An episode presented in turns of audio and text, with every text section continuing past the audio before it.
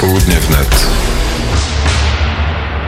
I mamy godzinę 16.31 i tak jak Państwu mówiłem, czas wybrać się na e, Śląsk, bo tam dzisiaj, kilka godzin temu podpisano, jak mówią niektórzy, historyczne e, porozumienie. Na ile to jest historia i na ile to jest dobra historia, zaraz się e, dowiemy. Przy telefonie Bogusław Ziętek, przewodniczący WZZ Sierpień 80. Dzień dobry, panie przewodniczący. Witam, witam.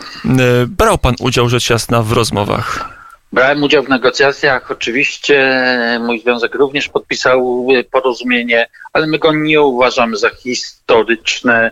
Nie ma w nim nic przełomowego. Musieliśmy go podpisać, żeby zabezpieczyć ludzi, którzy w górnictwie pracują. Ci ludzie będą mogli dopracować do emerytury, a jeśli nie, to otrzymają system socjalnych, socjalnych y, zabezpieczeń.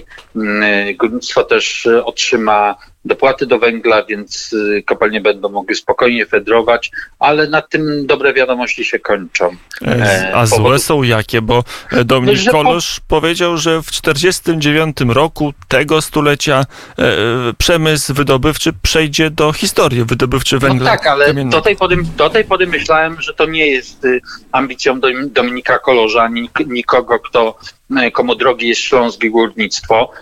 Jeżeli y, u kogoś dzisiaj strzelają korki od szampana, to na pewno wśród komisarzy Unii Europejskiej, którzy prowadzą szaloną politykę niszczenia przemysłu we wszystkich krajach, w tym w Polsce. I powiem w ten sposób, no, być może górnicy mm, z tego porozumienia powinni się najbardziej cieszyć, bo ich interesy zostały tam zabezpieczone, natomiast Śląsk, Polacy e, powinni, powinni się smocić, dlatego że jak zabraknie kopalń, to zabraknie węgla.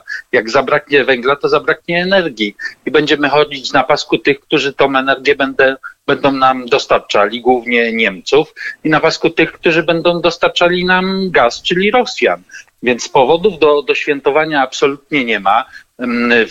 A jakie czasie... argumenty, że przerwę panu przewodniczącemu miał wiceminister Artur Soboń, znowuż nie od tak dawna pełnomocnik rządu do spraw górnictwa, polityk z górnictwem do tej pory prawie w ogóle nie kojarzony, jak się z nim rozmawiało, jaka była jego optyka świata przy tym stole negocjacyjnym? E, wszyscy mm, zgadzaliśmy się co do tego, że działamy w pewnych uwarunkowaniach, które zostały nam narzucone.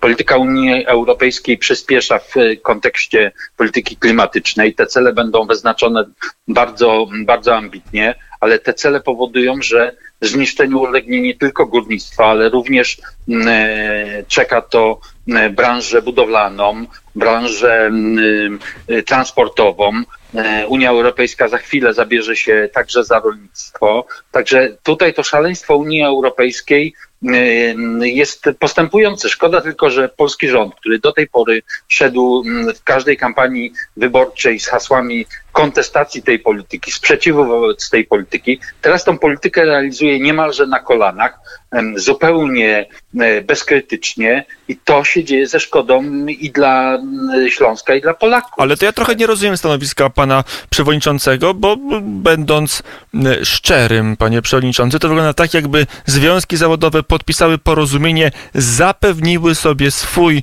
własny interes i swoich członków i pracowników górnictwa, no ale jeżeli jest prawda to, co pan e, przewodniczący mówi, to wszyscy na tym e, stracimy i związkowcy zamiast dbać o całą Polskę, to podpisali swój własny interes, a e, Polskę za lat kilkadziesiąt skazali na duże kłopoty przewrotna, energetyczne. Przewrotna teza, to nie związkowcy byli autorami E, tych propozycji, tylko autorami tych propozycji byli rządzący, to oni tutaj przyjechali i powiedzieli nam, że wyjścia nie mamy, dlatego że Unia Europejska mm, e, zmusza do, nas do realizacji tej polityki, a my zrobiliśmy to, co musieliśmy w takich warunkach. Zabezpieczyliśmy ludzi, którzy w górnictwie pracują i którzy będą musieli w tym górnictwie dopracować do emerytury. Natomiast nikt się nie zastanawia nad tym, co będzie się dalej ze Śląsk, działo ze Śląskiem, dlatego że w tym porozumieniu są pewne elementy, które, które które regulują kwestie związane z jakimiś inwestycjami, ale to jest, to jest zbyt mało na to, żeby. A to nie to dało się na związku, na, na rządzie wymóc e, takich postanowień? W tej chwili strajkuje. Albo jeszcze strajkowało, bo cały czas strajkuje kilkuset górników, można było postawić Śląsk na baczność. Pewnie, pewnie by się dało, gdyby nas, nasza postawa była nieco twardy, twardsza, ale ja jestem tylko jednym z uczestników tych negocjacji i, i mój pogląd w tej sprawie nie znalazł zrozumienia w pozostałej części strony związkowej. Ja byłem gotowy negocjować dłużej i, i, i, i w bardziej twardy sposób. Takich osób na sali było jeszcze kilka, ale, ale niestety znaleźliśmy się w mniejszości. E, przewodził Dominik Kolosz, bo to on e, przy świetle e, lamp od kamer telewizyjnych i flash od, od aparatów fotograficznych podpisywał porozumienie. Pan też, jak rozumiem, je podpisał. Ono kończy protesty. To jest tak, że te, tych kilkuset górników, którzy strajkowali, teraz przerwą akcję strajkową i wrócą do pracy. To już jest koniec? To jest koniec protestów, dlatego że być może górnicy y, w, są nawet w większym stopniu zadowoleni z tego porozumienia niż, y, niż my związkowcy, czy ja osobiście.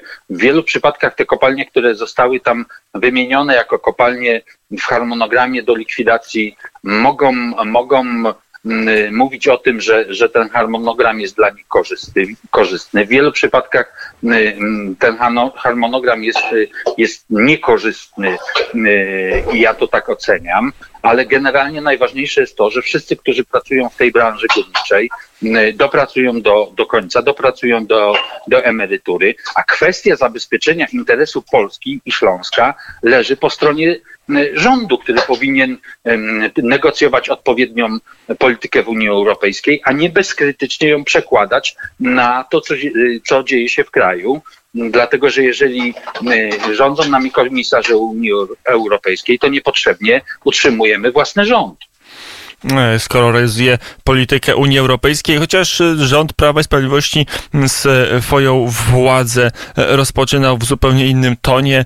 E, dawne Ministerstwo od, Energii z ministrem innych obietnic. innych obietnic Krzysztof Tchórzewski mówił nieraz, że niektóre kopalnie trzeba zamknąć, no bo już pokłady są zbyt nisko, ale w ich miejsce powstaną nowe kopalnie, a węgiel zawsze będzie częścią malejącą, co prawda, ale istotną częścią polskiego miksu energetycznego. Teraz, jak rozumiem, w roku 2049, zdaniem rządu, e, ile energii z węgla ma pochodzić w naszych gniazdkach? Oj, ci politycy mówili dużo więcej, przyjeżdżając tutaj na Śląski do górników. Przyjeżdżali wtedy, dzisiaj ich tutaj nie było, ale wtedy mówili, że będziemy otwierać nowe kopalnie, że będziemy, mm, zablokujemy import y, rosyjskiego węgla, bo to zdrada narodowa że górnictwo ma swoją przyszłość, wznosili toasty ze zdrowie górników.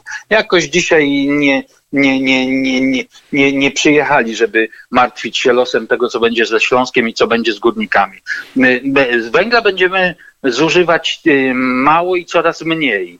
Y, jeżeli chodzi o rok 2040-2050, y, to, to będą śladowe ilości, być może do zabezpieczenia tych naszych potrzeb energetycznych z produkcji energii z węgla mm, e, wystarczy jedna kopalnia.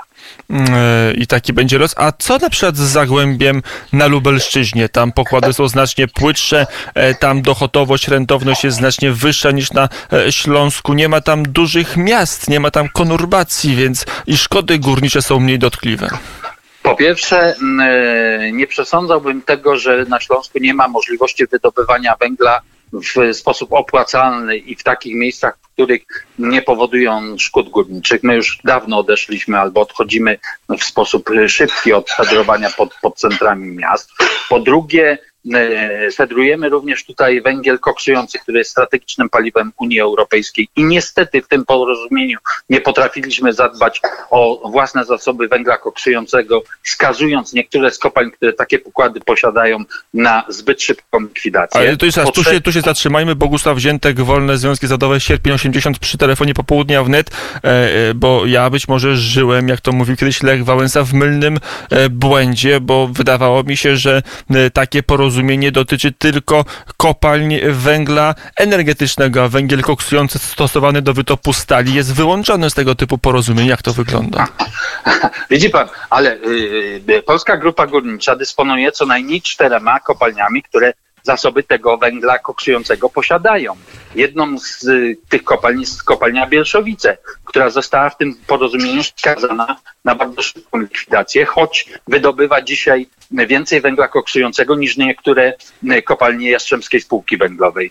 Y, I to jest pewien, pe, pewien absmak, który czujemy, dlatego że myśmy argumentowali, że trzeba te pokłady węgla koksującego zabezpieczyć, że trzeba w przypadku takich kopalń jak Bielszowice i Kalemba podjąć decyzję o tym, żeby je przedstawić na węgiel koksujący. Zejdziemy wtedy z węgla energetycznego, ale widać, że zapał tutaj rządzących do spełnienia życzeń Unii Europejskiej jest tak wielki, że poszli dalej niż, niż wymagali tego komisarze europejscy. Więc to to, to powoduje, że, że pewne, pewne rzeczy po prostu tutaj y, y, zaniedbano i, w pewnych y, rzeczach popełniono błędy. Oczywiście tam jest zapis dotyczący tego, że będą prowadzone analizy, że, że być może wrócimy do tych pokładów, ale to są zapisy miękkie i ja, ja w nie nie wierzę.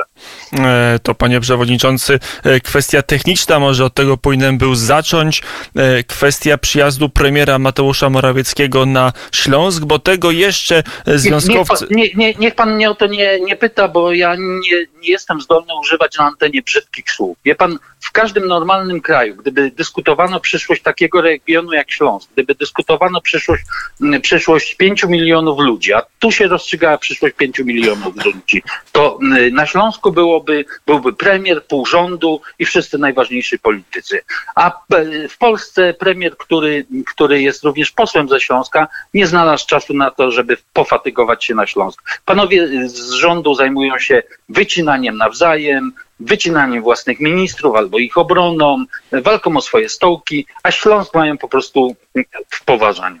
E, ale to też zależy, znowu będę e, być może złą tezę stawiał, panie przewodniczący, od was, jeżeli wyście się zgodzili rozmawiać z wiceministrem, e, pełnomocnikiem rządu, no to wasza teza, strata. Teza jest, teza jest chybiona, bo wie pan, odpowiedzialny rząd po prostu zrobiłby to sam. Natomiast jaki myśmy mieli wybór? Mieliśmy nie zabezpieczyć ludzi, mówiąc o tym, że powinien tutaj przyjechać premier. Przecież to byłoby z naszej strony śmieszne, że nie podpisujemy porozumienia, które zabezpiecza ludzi, dlatego że uważamy, że, że, że, że że powin, powinno się z nami rozmawiać na innym poziomie. Więc, więc to chodzi po prostu o to, że, że, że ci ludzie nie stanęli na wysokości zadania, że ci ludzie nie czują tego, że ich obowiązkiem powinno być chociażby z, z szacunku, um, powinna być obecność tutaj i to świadczy o ich klasie, tak? Kiedy trzeba było zdobywać głosy, to deptali tutaj codziennie. Teraz, kiedy y, Śląsk